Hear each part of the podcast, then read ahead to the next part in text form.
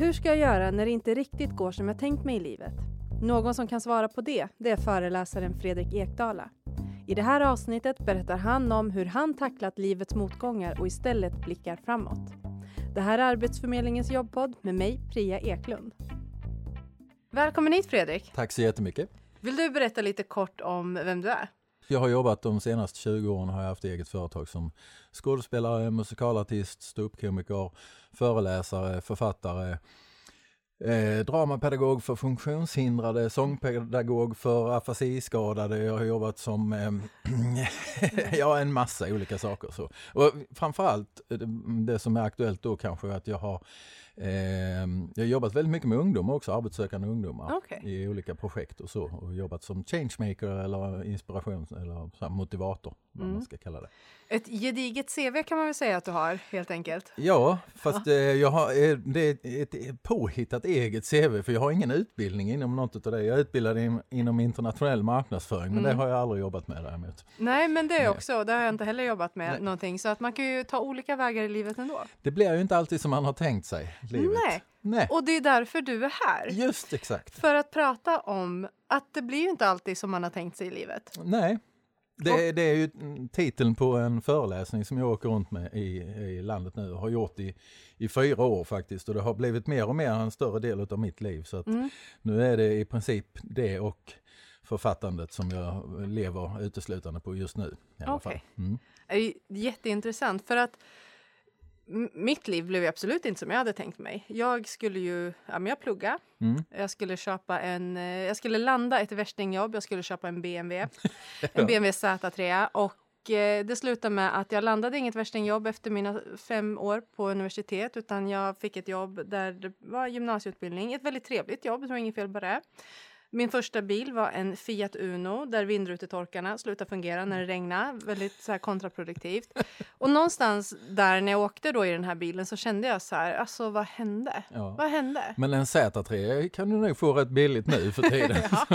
det var som min drömbil som jag skulle ha, det var ju en Saab 900 Turbo och sånt och de tror jag de kastar efter folk nu om man skulle hitta någon överhuvudtaget. Men, så det är nog inte svårt att uppnå den drömmen just nu. Nej, men men det blir andra nu... drömmar och det jag brukar alltid säga till publiken innan jag börjar, är det någon här som med handen på hjärtat kan säga att ert liv har blivit exakt så som jag har tänkt er. Mm. Så i så fall så är den historien mycket mer spännande och, och, intressant att lyssna på. Men det är ju aldrig någon som räcker upp näven på den. Nej, för ofta så blir det ju inte det. Man har ju en föreställning om hur, hur det ska vara eller ja. hur det ska bli. Och där tänker jag också att det handlar ju om att inte få ett jobb också. Till exempel? Eh, där kan man ju också ha drömmar, att du har ett jobb, blir uppsagd av olika anledningar. Man tänker så här, men här, här kommer jag gå i pension och så plötsligt kommer man säga nej vi ska lägga ner. Mm. Eh, arbetsbrist eller vad det nu kan vara. Och då blir det definitivt inte riktigt som man har tänkt sig. Hela mitt eh, konceptet där, det tar ju faktiskt, eh, min föreläsning startar i just det där med arbetslösheten. När man, jag hade mitt liv planerat, jag var 24 år och gifte mig, jag hade börjat karriären mot vad jag, vad jag ville bli liksom. Och, eh, och bara sju månader senare så var jag skild utan jobb, utan bil och utan bostad i princip. Mm. Så här. Och det var inte, på mindre än en månad så rasade hela, hela min bild utav vad, vad som skulle hända i framtiden, den rasade isär. Liksom. Mm. Så det fanns inga planer kvar när det gällde äktenskapet eller jobbet eller någonting sånt här. Och det är där min föreläsning startar. Sen har det ju hänt en massa gånger längs resans väg att det inte har blivit som man har tänkt sig. så att säga. Nej. Och eh, du säger ju själv att det är där din föreläsning startar. Jag tänker då att i din föreläsning så kommer du med en hel del tips och idéer kanske kring ja. hur, hur ska man tänka? För vissa saker är ju fakta. Ja. Vissa saker är ju verkligen, ja men jag är arbetssökande just nu, ja men det är ju så det är. Mm. Um, och det är ju en del i det hela. Och, men risken är att man fastnar i det. Ja. Vissa saker kan man påverka, andra kan man inte påverka. Och jag vet att du pratar väldigt mycket om det man faktiskt kan påverka i de här situationerna när det inte går som man har tänkt sig. Ja. Så jag tänkte du ska få dela med dig utav några av de sakerna som du faktiskt tar upp och som man faktiskt kan börja jobba med själv. Mm, det är två saker då. Om vi, om vi tittar på arbetslösheten där så är det ju många som som inte kommer loss för, på grund av att de inte riktigt vet vad de vill eh, mm. göra. Så här. Och då brukar jag säga det att det är mycket bättre att du ändå börjar göra någonting, även om det inte är det du vill kanske. För att om man står kvar på samma ställe och väntar på att man ska ta, få reda på vad det är man vill, det är precis som att gå ut och leta efter ett utflyktsmål och man hittar inget bra och så går man in och sätter sig igen och sen två år senare går man ut på samma ställe och mm. kollar om det är något utflyktsmål nu och det ser likadant ut. Men börjar man gå liksom så öppnar ju sig nya vägar och så kanske man så småningom får reda på vad det är man vill. Men så länge man sitter kvar på samma ställe så är det ju sällan inspirationen kommer till en. Så att mitt råd där, det är första i alla fall, det är att, att börja göra någonting. Mm. Även om det inte är det du vill i fortsättningen. Så, för då kommer du träffa nya människor, få nya in, infall och nya idéer och nya tankar. Så eh, och sen den andra biten då, hur man tacklar motgångar mer då i mm, livet. För det är nog, för ja. jag menar det är ju en jättestor grej i det här också för att man kan ju tackla en motgång på ett bättre eller sämre sätt och väljer man det bättre sättet så kan man ju också må lite bättre i den här motgången. Jag tror det är så här att eh, eh, jag har ju själv jobbat jättemycket med teater de senaste 20-25 åren. Eh, och framförallt jobbat med improvisationsteater. Och om vi ser livet rent dramaturgiskt så upplever vi själva det som att vi spelar huvudrollen i en film, alltså vår, filmen mm. om oss. Och det är himla praktiskt och bra för vi får nämligen då själva också skriva manuset och bestämma. Och det gör vi med hjälp av våra drömmar om vad vi vill, hur framtiden ska se ut när det gäller familj, när det gäller jobb, när det gäller fritid och sånt här. Och våra värderingar, våra drömmar, våra önskningar, det blir vårat manus. Men det finns ett problem med detta och det är Nämligen att runt omkring oss, vår, alla de som då är med i våran film, sta, som är statister i våran film, de eh, gör ju inte riktigt alltid som vi har tänkt, för de springer nämligen runt med egna manus där de ja. spelar huvudrollen i sin film. Så mm. Och sen har vi då något filosofiskt, något högre väsen, någon eh, överregissör där uppe då. Vi kan kalla det för Gud eller, eller tur eller otur eller försynen eller vad vi än vill kalla det här för någonting. Jag brukar kalla det Ingmar Bergman faktiskt. För, att, okay. för det verkar vara, det här väsendets enda uppgift verkar vara att sitta och kasta ner en massa elände och, och eh, sjukdomar och mm. arbetslöshet och skit och sånt i mitt manus som inte jag har skrivit dit där. Nej. För jag vill inte ha det där. Men grejen är att, att jag kanske borde ha skrivit dit det. Man kanske borde ha förväntat sig det. För det ingår ju faktiskt i livet. Mm. Alltså, jag brukar säga själv, och det har vi inte ens benämnt här eller eh, pratat något om, men för fem år sedan fick jag diagnosen Parkinsons sjukdom, 45 år gammal.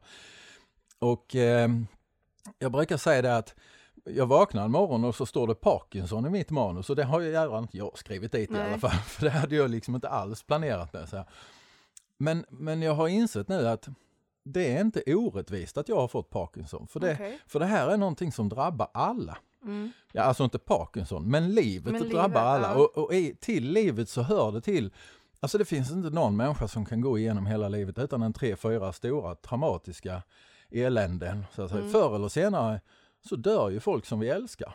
Så alla måste gå igenom detta, men mm. vi har inte skrivit dit det. Fast vi borde kanske ha gjort det. Och då är det ju, när det då kommer till oss, när, det, när vi är som minst, för det kommer ju alltid när vi är som minst beredda på det. All, alla sådana här elände, de, det är ju inget man går och, och liksom tar en liten bit i taget, utan Nej. det kommer ju pang bom när man, och aldrig när det passar naturligtvis.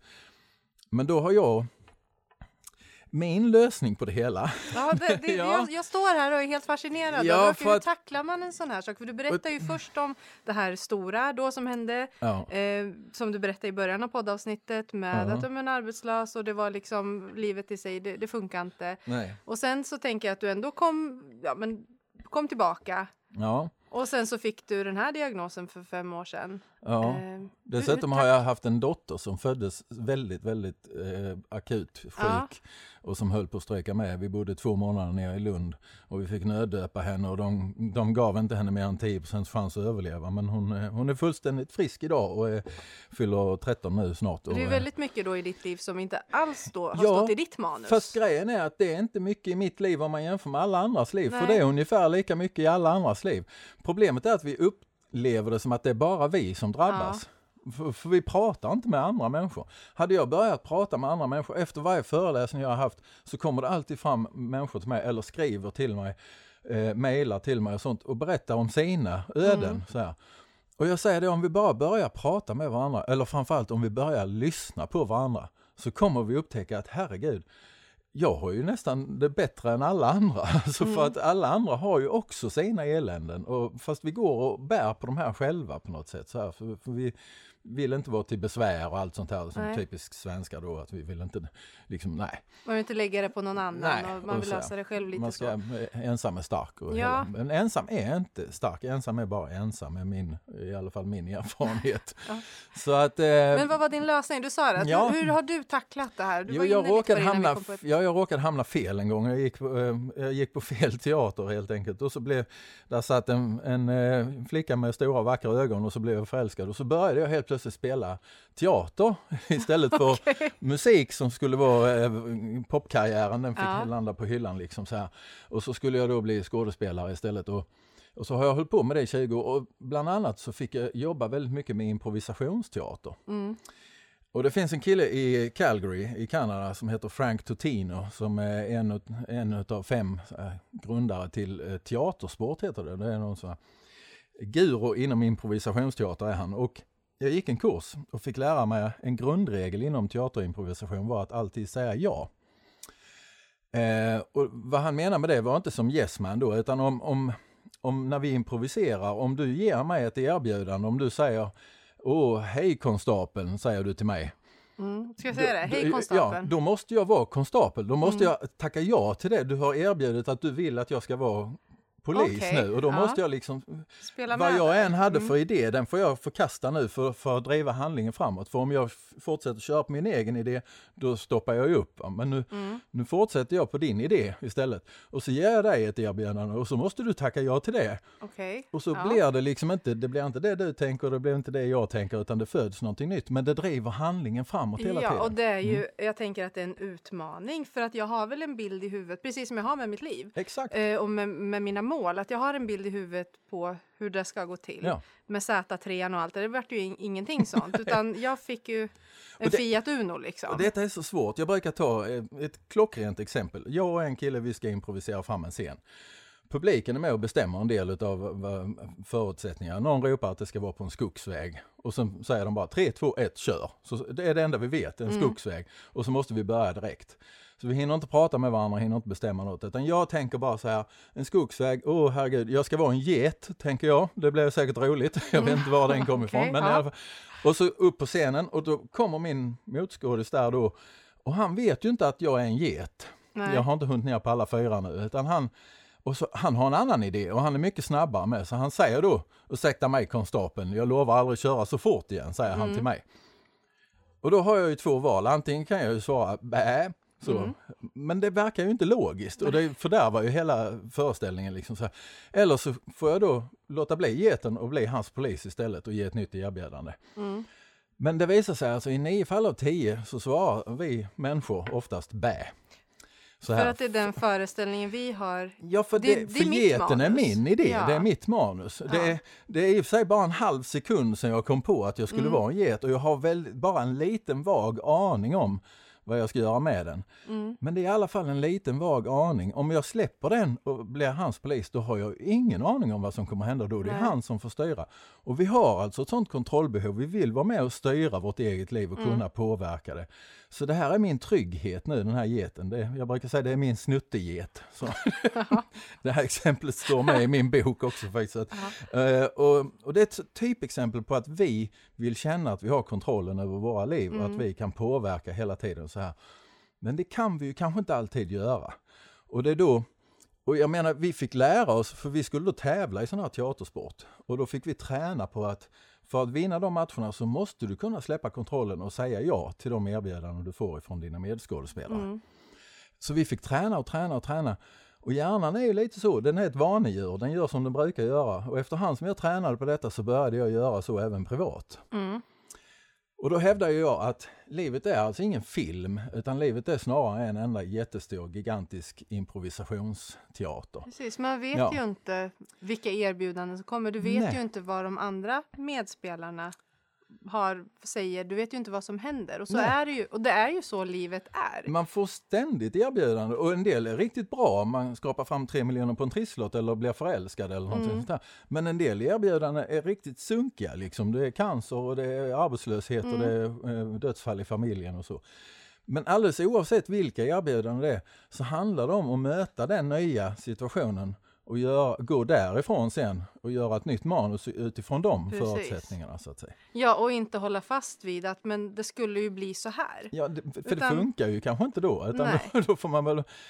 Och just det här att, att, att känna den känslan att jag kan släppa detta. Mm. Att jag...